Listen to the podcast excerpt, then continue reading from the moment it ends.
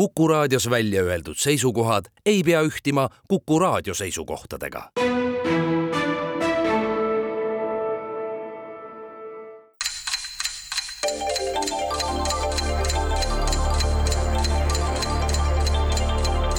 tarkade klubi targemaid küsijaid toetab lisateadmistega Postimehe raamatukirjastus.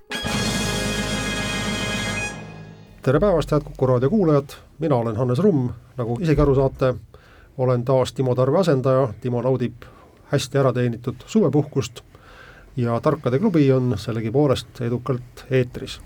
jätkub Tallinna-Tartu vastasseis, huvitav, kummal poolel on tänavu eelis, sest et Tartu on linn, mis on nautinud juba aastaid autovabaduse puiesteed, aga sel aastal Tallinna linnapea Mihhail Kõlvart on vastanud sellega, et üles kaevatud on terve kesklinn, Tallinnas on võimatu liikuda auto, bussi, trammi, trolli, tõuksi ja isegi jalgsi. kohe näeme, kas see annab eelise tartlastele või tallinlastele, igal juhul on, head kuulajad, meile täna pakkuda väga väärikas vastasseis, Tartut esindavad tänases saates abielupaar Anna-Linda ja Robert Varik, tere päevast! tere! tere! Robert ja Anna-Lindaga kohtusime ka eelmisel aastal, eelmisel suvel, peab ütlema, et Robert on saanud vahepeal targemaks, ta on omandanud Tartu Ülikooli magistridiplomi ajaloos ning töötab nüüd Tartu Linnamuuseumis kuraatorina. Anna-Linda töötab jätkuvalt Haridusministeeriumis rahvusvahelise koostöö nõunikuna ja on jätkuvalt kõva käsi mälumängudes, viimati pani ta oma tiimiga kinni Tartu lahtised mälumängu meistrivõistlused. aga ka Tallinnas on välja panna kaks suurepärast mängijat, kaks telestaari, mitmekordset Kuldvilleku tšempioni Epp Kõiv ja Viljar Arnek. tere Epp ja tere Viljar! Tere! tere! Viljar on ka TV3 uue mälumängusaate Mälumaraton esimese hooaja võitja, Epp on ametilt riigiametnik ning Viljar on KPMG Eesti riskinõustamise juht. aga suvine aeg on kallis, ärme seda siis kuulajate arvelt raiska ja läheme kohe tänaste teemade juurde. esimene neist on Ženev Merla Ukraina, teine on Ei leiuta ja elu pole kerge kolmas, Mats alati on tubli mees, neljas, ma olen vapper spordimees ja viies, kosinaine kui võimalik Narvast.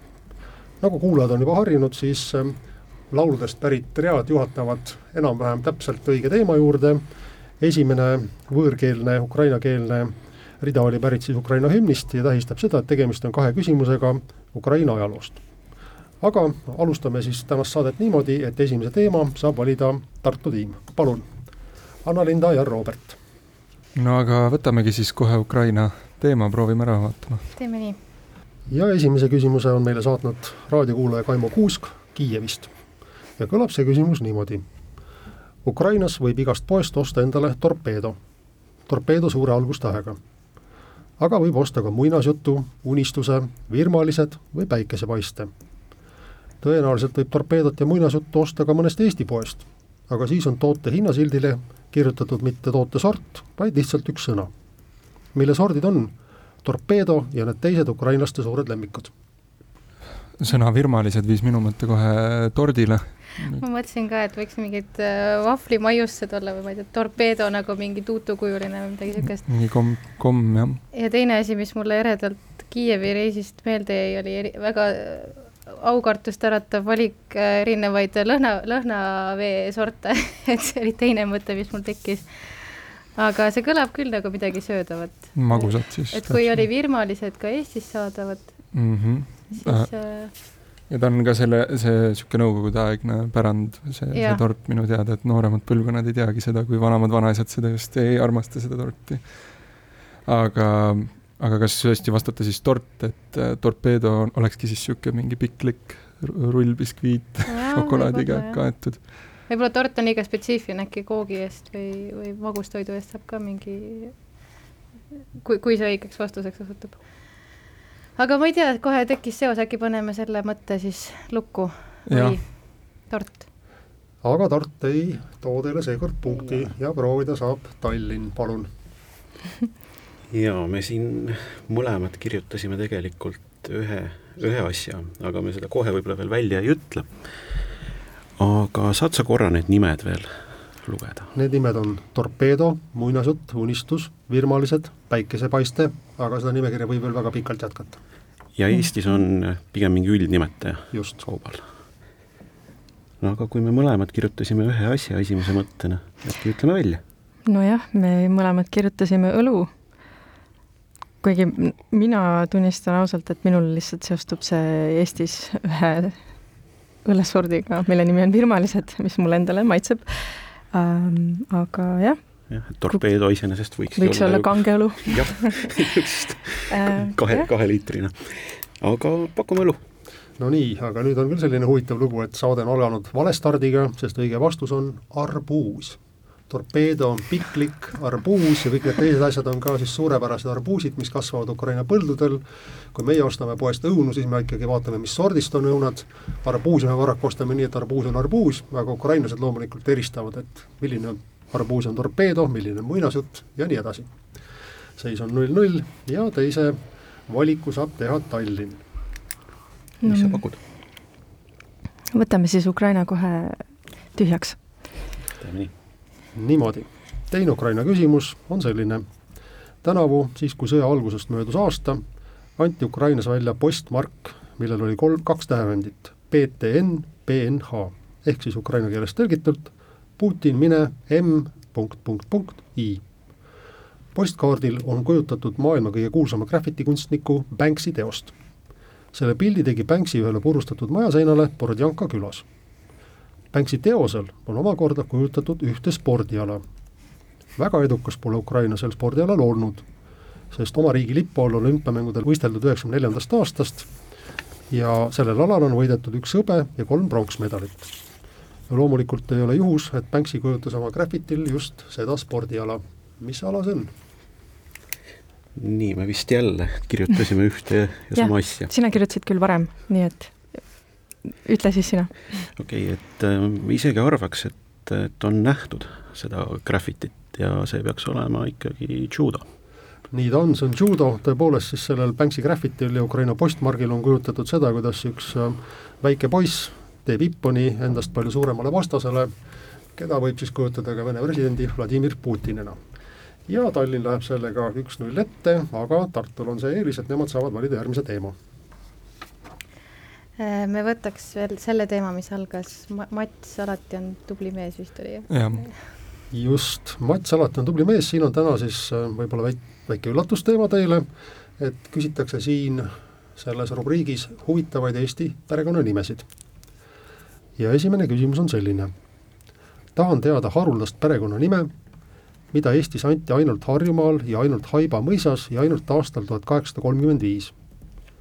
ometi on see nimi väga tuntud, sest seda kandis üks väga tuntud Eesti muusik.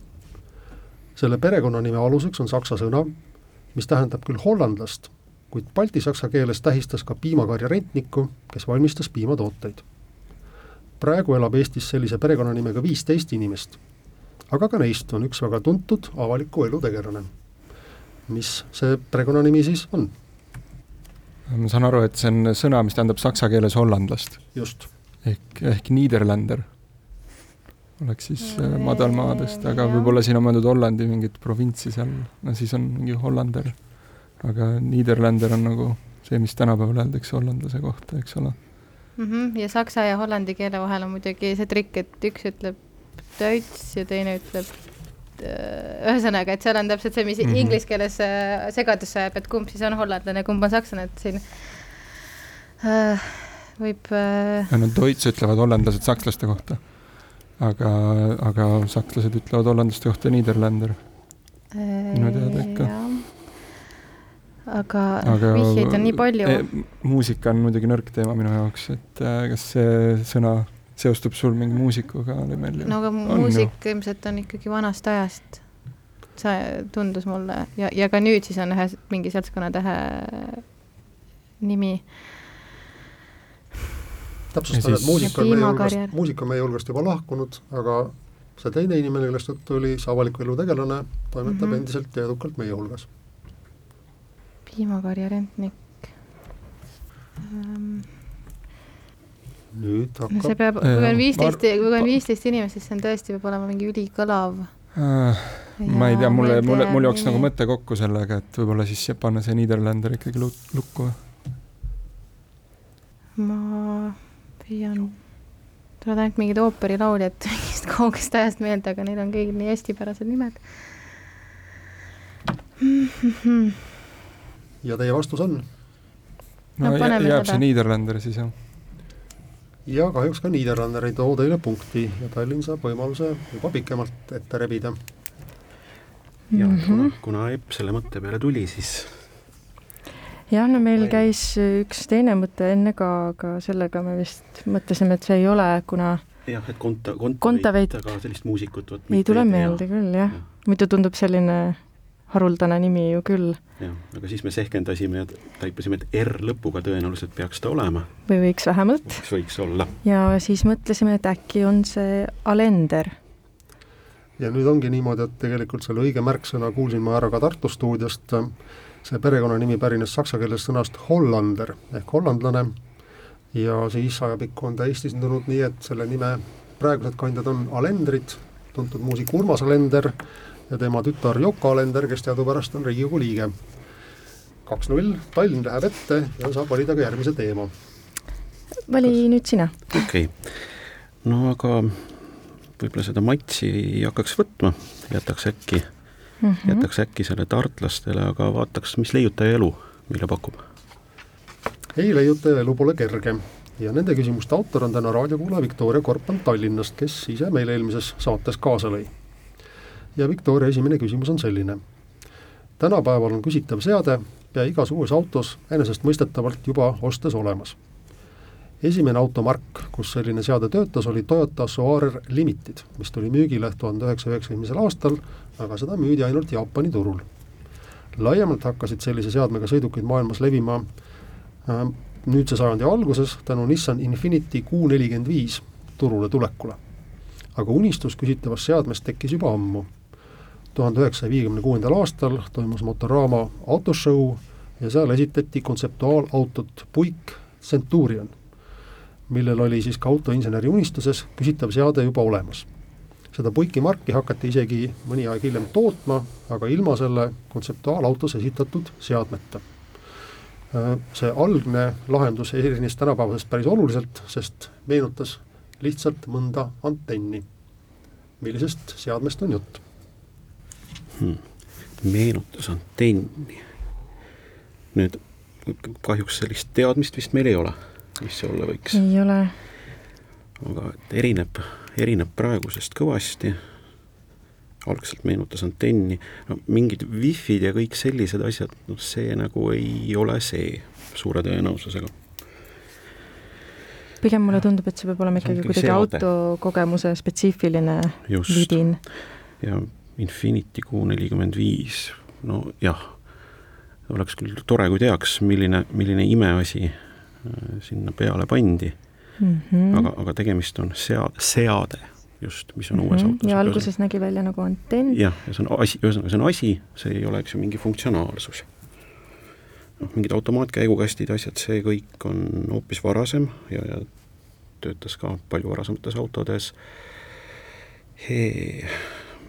Mõtleme, mis no küllap see asi ikkagi omab mingit funktsionaalsust, ma eeldan, et ta täidab mingit eesmärki, mis hõlbustab või mugavdab autosõitu, et just um,. Aga kas antenni välimus huvitav, kas see siis tähendab, et ta püüdis mingisuguseid laineid, et siis nagu info mm, või andis välja andis. mingeid, mingeid noh mm,, okei okay,, no mingi adaptiivne püsikiirushoidik, midagi sellist, noh, need või GPS kas see oleks liiga lihtne? ma ei kujuta ette, millal GPS-id tulid, ma olen üsna autokauge inimene ka. no viiekümne, viiekümnendatel seda siiski ei saanud olla, viiekümne kuuendal.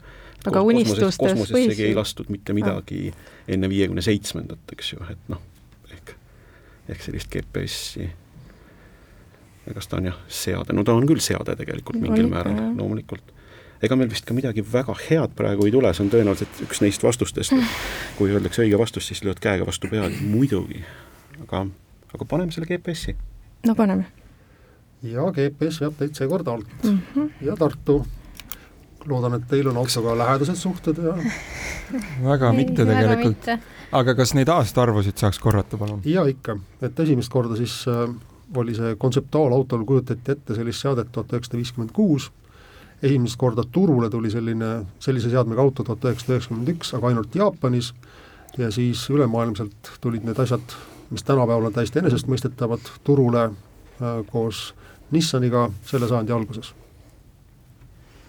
No kuna see mingi tehnika ime ikkagi ilmselt peab olema ja, ja see kõlab sealt, äh, et Jaapanist tuleb, kõlab loogiliselt, siis ma mõtlen, et nii palju, kui ma üheksakümnendate autosid olen näinud, siis enamasti need käivad ju võtmega lukku füüsiliselt, et sa pead ise keerama, aga nüüd enam ei käi ja ei ole ka eraldi mingisugust äh, antenni või asja katusel, et, et seda funktsiooni nagu võimaldada. samas on nagu hulk muid asju ka, mis võiks äh, mis võiks äh, olla ja. alates sellest, et isejuhtiv auto või, või mida iganes. no vaata, küsimus oli ikkagi sõnastatud nii, et oli ainult antenn, aga kui me, kui vastus oleks, et puldiga suletud no. auto, siis oleks see pult, eks ole, ka no, jah. nagu võtmetähendusega sõna otseses mõttes. no jaa, aga võib-olla on see aga... pult, antenn sul käes, et sa pead taskus seda kandma. ma täpsustan, no, et, meil... ma täpsustan, et selle seadme eelkäija meenutas väliselt antenne mitmuses. okei okay. um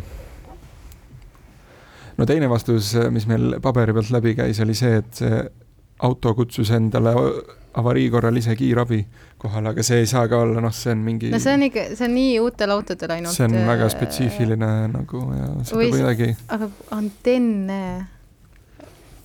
äkki nagu ikkagi auto tuleb ise siin sulle järgi parklas näiteks või ah, no nojah, seda funktsiooni pole nagu endiselt päriselt autodel, et auto ise ennast juhiks, isegi mm -hmm. siis, kui juht on autos sees.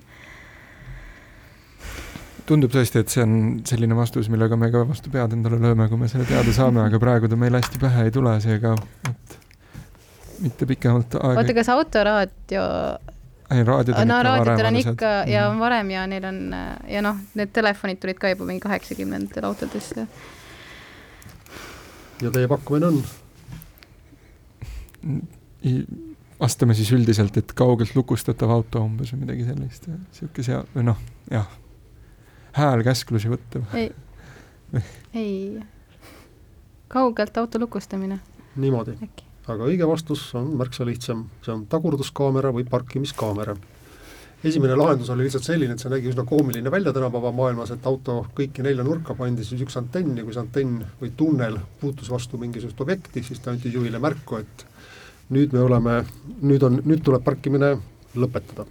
jah, kerge hilinemisega nuputasime välja.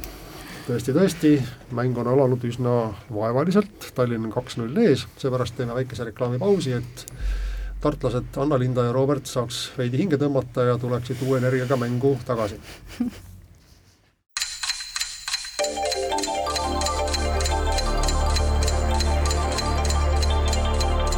tarkade klubi.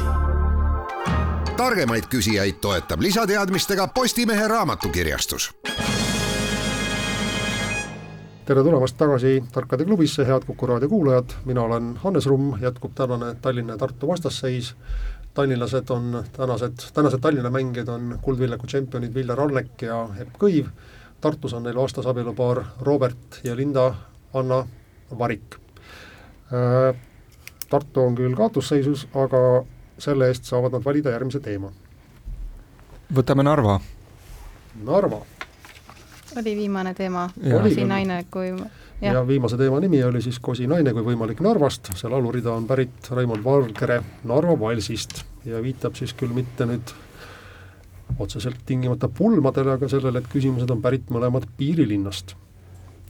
ja esimene küsimus kõlab nii. Tallinnas on juba ammust aega Gruusia kunstniku Pirosmani nimeline restoran.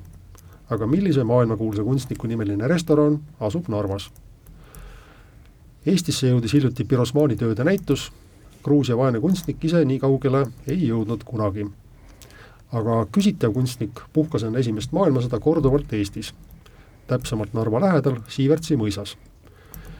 kunstniku maailmamainet kinnitab asjaolu, et mõned aastad tagasi müüdi üks tema töö armastajad oksjonil kahekümne kaheksa miljoni dollari eest noh, kui loetleda tema tuntumaid töid, siis nende hulgas on veel ka sellised nagu Tsirkuse hobune, viiuldaja, viiuldaja katusel, Langev ingel ja teised. kes on see kunstnik? no viiuldaja katusel on äh, Mark Chagall'i töö, eks ole, Valgevenest pärit, tänasest Valgevenest pärit kuulus juudi kunstnik, aga kas nüüd veel on keegi viiuldajat, nii kuulsat viiuldajat katusel maalinud kui Chagall ja ma ei ole kuulnud, et Chagall on Narva lähedal puhka, puhanud, aga kui see on mõisas, siis, siis ma ei, aga võib-olla il-, e ma mõtlesin ka korra restorane läbi, mul tuli ainult meelde niisugune restoran nagu Francia, aga see on vist hoopis Narva-Jõesuus. aga noh, see ei ole ka nüüd nagu, aga ma arvan, et Chagall on päris hea pakkumine tegelikult. Chagall on tõesti ja. hea pakkumine, sest see on ka õige pakkumine. kui keegi tahab minna Chagalli nimelisse restorani, siis oskan omalt poolt öelda, et see asub hotellis Narva ja hotell Narva asub omakorda Narva linnas Puškini tänaval. Et meeldivaid kulinaarseid elamusi Tartu sai esimese silma pähe ja Tallinn saab valida järgmise teema. mis sa arvad, kui prooviks spordi ära? ma just tahtsin öelda, et kas sa tahaksid äkki sporti katsetada? no proovime nii, teema, ma olen vapper spordimees. selle küsimuse on meile saadnud raadiokuulaja Mart Armak Vilniusest, kes nüüd oma uues ametis Eesti Vabariigi Välisministeeriumis vastutab suhete eest vist peaaegu poolte Aafrika riikidega, sealhulgas ka Lõuna-Aafrikaga, mis on järgmise küsimuse kontekstis üsna oluline ja küsimus on selline, et milliselt spordialalt pärineb Aafrika riikide läbi aegade parim tulemus taliolümpiamängudel. see koht on kolmeteistkümnes.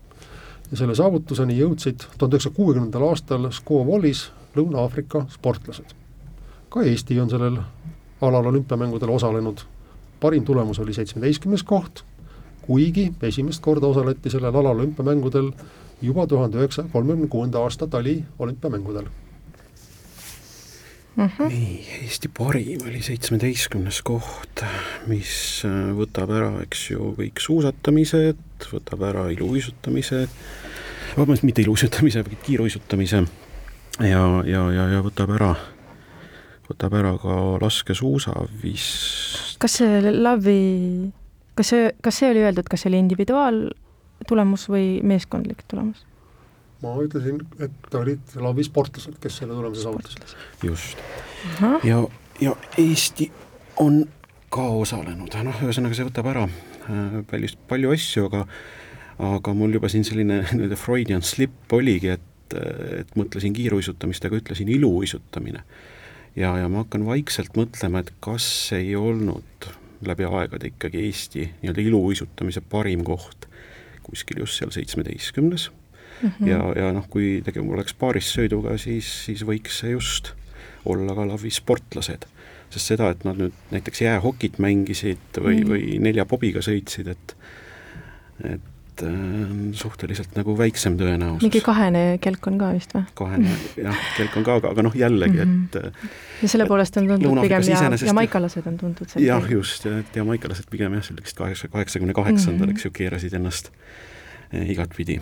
ja ma ei usu ka, et tuleks ju ma ei tea, neli suusahüppajat, kes suudaks sel ajal minu meelest ei olnud ka võistkonnavõistlusi üldse veel mm, -hmm. veel sel alal, kui ma nüüd mm, -hmm. kui ma nüüd väga mööda ei pane. nii et äh, läheme iluuisutamise peale. ja palun täpsustage äh,. siis on tegu paarissõiduga, kui on sportlased. ei, aga see võib ja, olla ka jäätants. see võib ka jäätants olla, jah viiskümmend, viiskümmend siis ehm, ütleme siis, äh, võib-olla võtame, võtame eeskuju legendaarsematest Tartu mängijatest ja, ja äh, tõmbame selle vastuse akordioni siis kuidagi niimoodi, et äh, tegu oli iluuisudistsipliiniga, kus siis osalesid kaks sportlast. sellist vastust ma vastu ei võta, et nõuan no, ikkagi siis... täpselt spordiala, sest siin on ka väga selged faktilised põhjused, miks üks neist on õige, teine on vale. ahah, no aga ja, ja, ja, ja, ja siis, siis on jäätants ikkagi siis vist aa, ma just tahtsin no, vastupidi öelda, aga, aga sest ma mõtlen just, et eestlased, kas eestlased iluuisutamise paarissõidus ah, ikkagi on, on üldse osalenud, iluuisutamises kui sellises on osaletud ja minu meelest on jäätantsupaar ka ühe korra olnud. või kui ma nüüd hakkan kahtlema iseendas muidugi veel. ma tean, nende vahe on, eks ole, see, et jäätantsus ei ole neid viskeid. jah, et ühesõnaga rohkem hoitakse jäälegi. jah, jah, kõik need, kõik need kuus, eks ju, hüppekategooriat jah, et need on mm, -hmm. need on mhm. paarissõidus olemas, eks ju. no ütleme siis jäätants. ütleme jäätants. ja te eksite, Tartul on võimalus siit nüüd üsna kerge vaevaga punkt saada, palun. paaristants siis jah? ei, paarissõit oli. paar, paarissõit jah, pakume siis selle teise jah.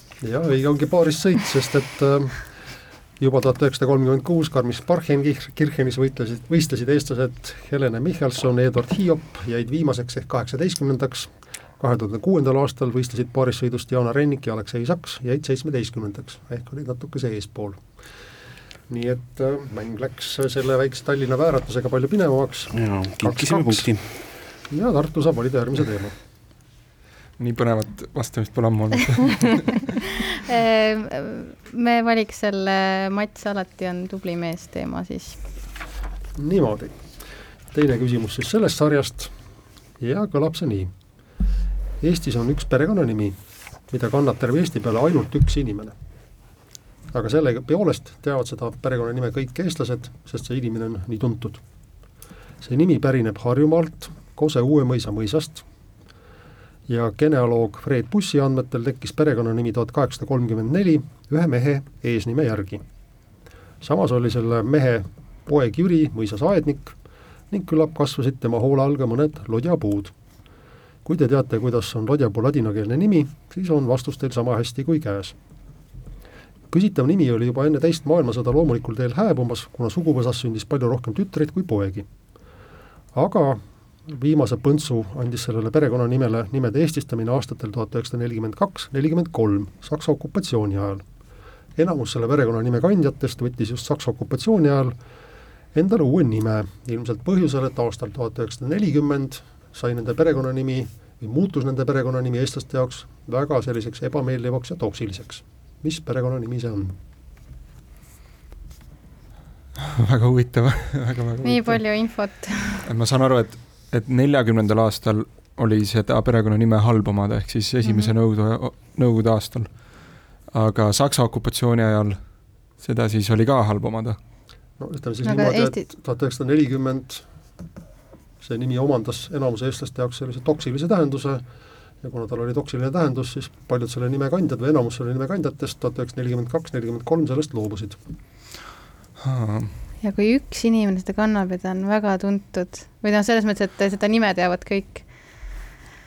mõtleme neljakümnes aasta, eks ju, äkki seal on need, et, et keegi tähtis kommunist siis kandis seda nime tolleaegses äh, Eestis Johannes Vares Barbarus, eks ma mõtlesin ka, et Barbarus aga ma täna, kas sa tänases Eestis tead mõnda Barbarust? ei, ja Barbarus oli, ei olnud ta, eks ole, päris nimi, see oli kirjaniku nimi. ja aga mm, seal, see võis olla muidugi ka mõni, keegi Moskvast tähtis tegelane mm, -hmm. eks ju, mhm. kelle nimi oli siin ei, muutus, aga ei, see, see ei tundu jälle loogiline, eks ju, kuna see oli seotud, eks ju. ja see mõisast saadud mõisaga. Äh, nimi, jah. jah, jah väga-väga huvitav ähm.. aga jugapuu ei, ei, ei, lodjapuu jah, tähendab lodjapuu ladinakeelne nimi. ei, ei, ei tea. see ei aita meid. see ei aita meid, aga keegi, kelle siis ütleme, mingi tähtsa kommunisti nimega on tänases Eestis, kellele nimi on väga haruldane. oota, mulle sai ka kirja siin märksõnana eesnimi. et ta oli ka nagu eesnimena kasutusel. ahah, ahah perekonnanimi tuletati eesnimest, aga perekonnanimel on ta ikka täiesti iseseisev. kuigi ka see eesnimi mm -hmm. on siiamaani Eestis laialt kasutatav mm. -hmm. ikka mõistatus täielik, et ilmselt kindlasti teame seda vastust, et aga mingi kirjanik või keegi sihuke neljakümnenda aasta kollaborant siis ehk, aga nimi veel e eestindades kadus ära, et ta midagi sihukest saksalikku äh, ja teie vastus on, sest et vaikus eetris venib pikaks ja juba piinlikult pikaks. no ei tea, ütleme siis, et äh, ei tea, Trotski ei tule mitte midagi muud. no Trotski ei ole nüüd küll isegi mitte ligidale, nii et Tallinnal on magus võimalus jälle, jälle eduseis jaa, võtame, võtame siis aga jääkirka välja ja hakkame, hakkame mm -hmm. seda Trotskit nottima me siin mõtlesime igasuguseid erinevaid nimesid, eks ju, et Säre ja Karotam ja Barbarus käis ka läbi ja korraks jõudsime isegi Lichtfeldini, aga sellist, kelle kommunisti ei olnud, isegi Ribbentropi oleme kirjutanud ja, ja, ja mida kõike veel. Aga üks nimi, mis tõesti nagu võiks neljakümnenda aastaga olla seotud mm -hmm. ja, ja kui sa mõtlema hakkad, siis vist tõesti eh, isegi, et tema abikaasal on ju teine nimi eh,, vennal on, on ka teine nimi ja Lauristin oli samas ikkagi neljakümnendal võib-olla päris nagu selline kehva kuulsuse omandanud nimi ja praegusel hetkel Marju Lauristini siiski vist enam-vähem kõik teavad, nii et pakume Lauristini. Kose Uue-Mõisa mõisnik võttis siis äh, Bruno Lauri eesnime tegi sellest perekonnanimi, mis alguselt oli, algselt oli Laurustin, lodjapuu nimi ladina keeles on ka Laurustinus. Ja sealt siis oligi perekond Lauristin, nii nagu te õigesti välja roalisite ja kuna kuna tuhat üheksasada nelikümmend, nelikümmend üks nimi Lauristin muutus Eestis nii toksiliseks, siis need eest-, need Lauristinid, kes Eestisse jäid, võtsid endale Saksa okupatsiooni ajal nimeks kas Lank, Laurik või Laurikivi. Ja ainult siis need üksikud Lauristinid nagu Olga ja Marju Lauristin, kes tulid Nõukogude tagalast, jäid seda nime kandma ja siia praeguseks on siis Marju Lauristin ainsana jäänud selle nime kandjaks kolm-kaks, Tallinn rebib jälle ette, teeme väikese pausi, et kuulata ära reklaam ja et mängijad saaksid koguda jõudu lõpuspordiks.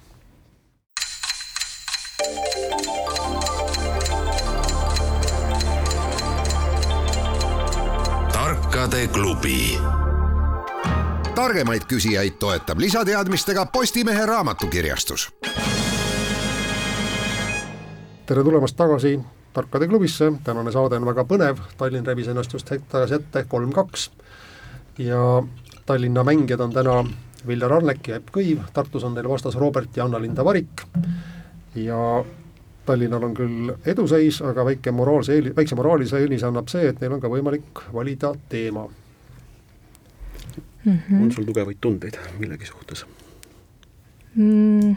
ei ole, aga aga proovime äkki siis uuesti sporti, sest et me peaaegu teadsime jah, võikski öelda, et, et teadsime ja siis, siis ma virutasin sellise ülimalt elegantse oma värava. ja selle spordiküsimuse on meile saatnud raadiokuulaja Kaimo Kuusk Kiievist. kõlab see nii. legendaarse korvpalluri Michael Jordani isiklik rekord on null koma üheksakümmend kaks. Legendaarse kõrgushüppaja Javier Sotomayori tipptulemus on null koma seitsekümmend kaks tavalise inimese loeks on null koma viiskümmend kolm. siis millise rekordi püstitas Michael Jordan tulemusega null koma üheksakümmend kaks? see loomulikult ei ole selline ala, mis on kusagil edetabelites kirjas, aga mitteametlikult selline maailma tipptulemus on ära fikseeritud mm. -hmm. no mul väikene ideedkene tegelikult on, aga, aga mm -hmm. ärme vastust veel päris lukku pane noh jah, kui tavainimesel on see null koma viiskümmend kolm, eh, siis mul on kuri kahtlus, et, et minul on ta veel natukene vähem, eriti hetkel. et, et kui ma siin niimoodi maast üles hüppan, siis võib-olla õnnestub see A4 leht sinna alla lükata, aga, aga, aga võib-olla ka mitte.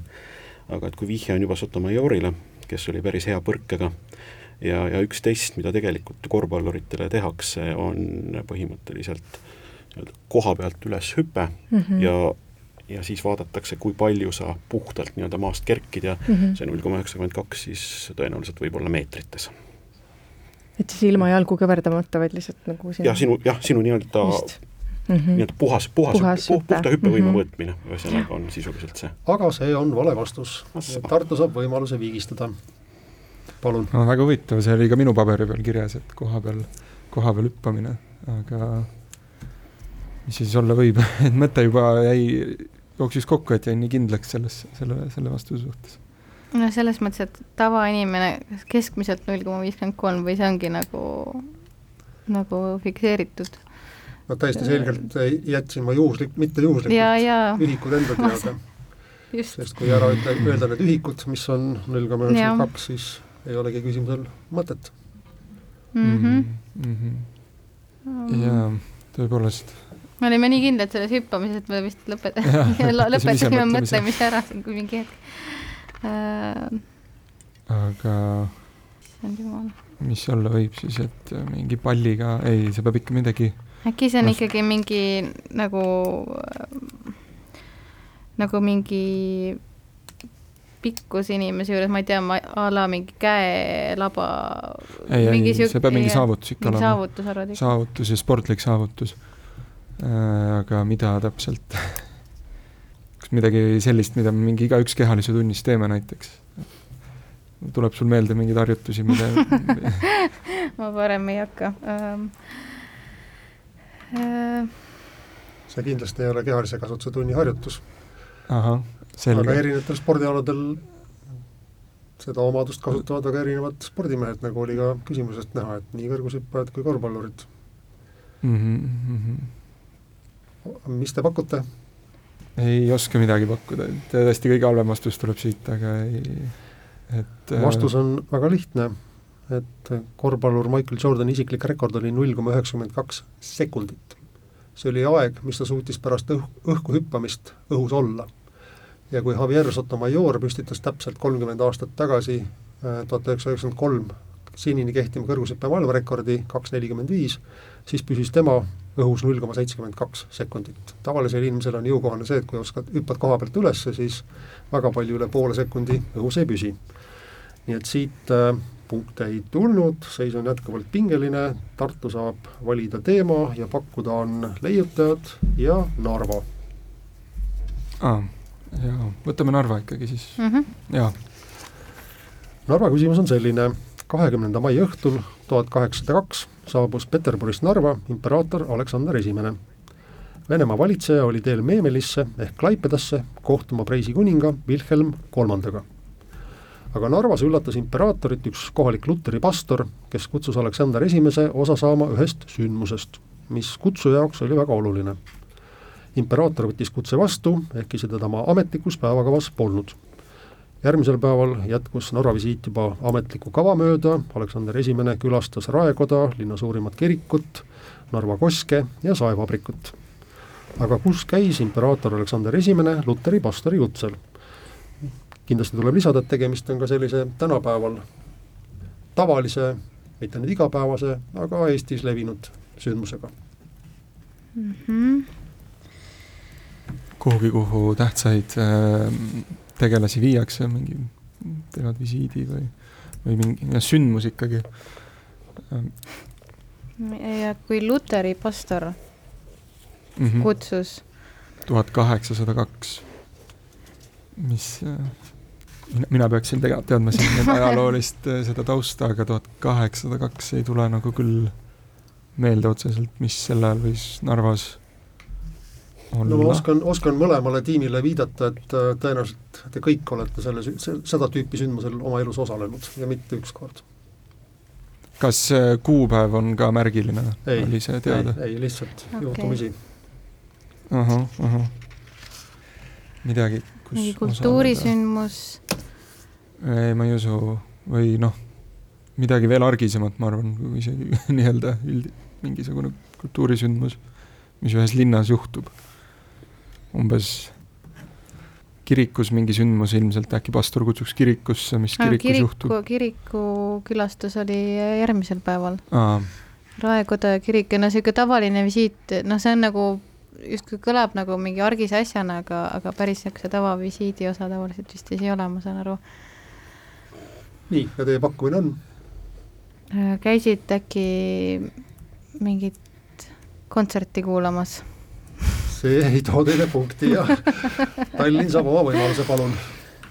ja me oleme siin Epuga niimoodi erutatult kritseldanud ja, ja mõtteid, mõtteid ja käemärke vahetanud, aga noh, üks mõte, mis läbi käis, oli, et ristimine, aga see kuidagi väga eh, mina väga ei ole sellel osalenud. just, aga mina ei ole sellel osalenud, nii et meie paganlik yeah. tiim nagu selle mõtte siis tõmbas ka nii et me vist nõustume, et pigem midagi argisemat? just, midagi argisemat ja kui mõtlema hakata, kus me loodetavasti tõesti kõik oleme käinud, ka, ka raadiokuulajad, siis noh, sauna siiski me aeg-ajalt satume, nii et äkki kutsus pastor keisri sauna?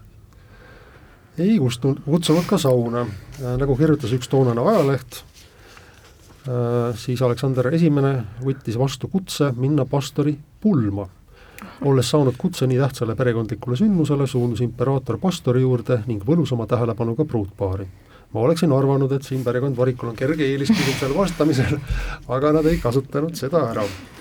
seis on enne viimast küsimust kolm-kaks ja Tallinn kuuleb esimesena viimast küsimust, mis on meil leiutajate teemadel ja selle autor on samuti Viktoria Korpan Tallinnast. kõlab see nii, Eesti kuulsaim ja maailmas edukalt levinud kogukonna projekt on Teeme ära. aga Iisraelis sai kaks tuhat kuus alguse kogukonna projekt, mis tõmmati käima ühisrahastuse abil mõni aasta hiljem muutus kogukonna projekt äriprojektiks ja nii edukaks, et see õnnestus maha müüa ühe koma kolme miljardi dollari eest. mis on selle äriprojekti praegu tuntud nimi? see on laialdaselt kasutatav ka Eestis, maailmas kasutab selle teenuseid igakuiselt sada viiskümmend miljonit inimest. ja sellist teenust, mida pakutakse, on inimkond alati vajanud, vanim näide sellest on kakskümmend viis tuhat aastat vana, sest kunagi leiti Tšehhis mammuti võhk mis aitas eelajaloolisi inimesi samal moel, nagu küsitav seade või vahend tänapäeval tänapäevaseid inimesi hmm.. on, on sul mõtteid selle peale mm? -hmm. mammutivõhk. mul on üks väike mõte on, et see Iisrael pani, pani just sinna, sinnapoole mul selle mõtte jooksma, et äh, kuna ma olen kunagi vist isegi Hannesega koos äh, Kuldvillakut mängides äh, mitte teadnud seda, et selline tarkvara nagu Waze tehti Iisraelis, äh, siis võib-olla tõesti, et ühisrahastusena hakati nii-öelda kaardirakendust mm -hmm. või vabandust, ühisprojektina hakati siis jah, ka kaardirakendust tegema, sest Waze igal juhul Iisraelist pärit on mm, -hmm. Eestis kasutatakse ka sada viiskümmend miljonit inimest maailmas, no võib kasutada küll mm. -hmm. ehk siis kas sa tahad kohe nime, eks ju, no siis ikka julgeme vast Waze öelda. ja Waze on õige vastus, alguses kandis see projekt nime FreeMap Iisrael, see oli siis kogukonna projekt, hiljem müüdi see Google'ile, on tänaseks üliedukas, ja see mammuti võha vihje oli siis sellele, et Tšehhist on leitud üks kakskümmend viis tuhat aastat vana mammuti võhk, millele on peale joonistatud või kraabitud siis esimene maailma teadaolev kaart mm. -hmm nii et tulemusega neli-kaks on tänase mängu võitnud Tallinn, palju õnne ja küsin ka traditsioonilise lõpuküsimuse, milline oli teie meelest tänase mängu parim küsimus hmm.? Lauristin oli minu arust väga geniaalne küsimus mm. -hmm mulle võib-olla meeldis ka see kõige esimene küsimus, mida keegi ei osanud vastata, arbuus on alati tore vastus ka, jaa, täitsa nõus, arbuus. tegelikult oli, mäng oli päris häid küsimusi mm -hmm. täis, et et jah miks mitte need Lauristin ja Arbuus?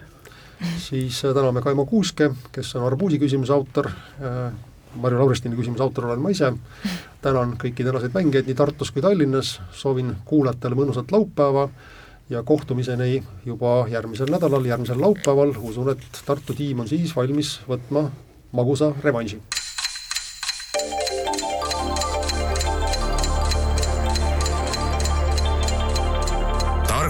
klubi. targemaid küsijaid toetab lisateadmistega Postimehe raamatukirjastus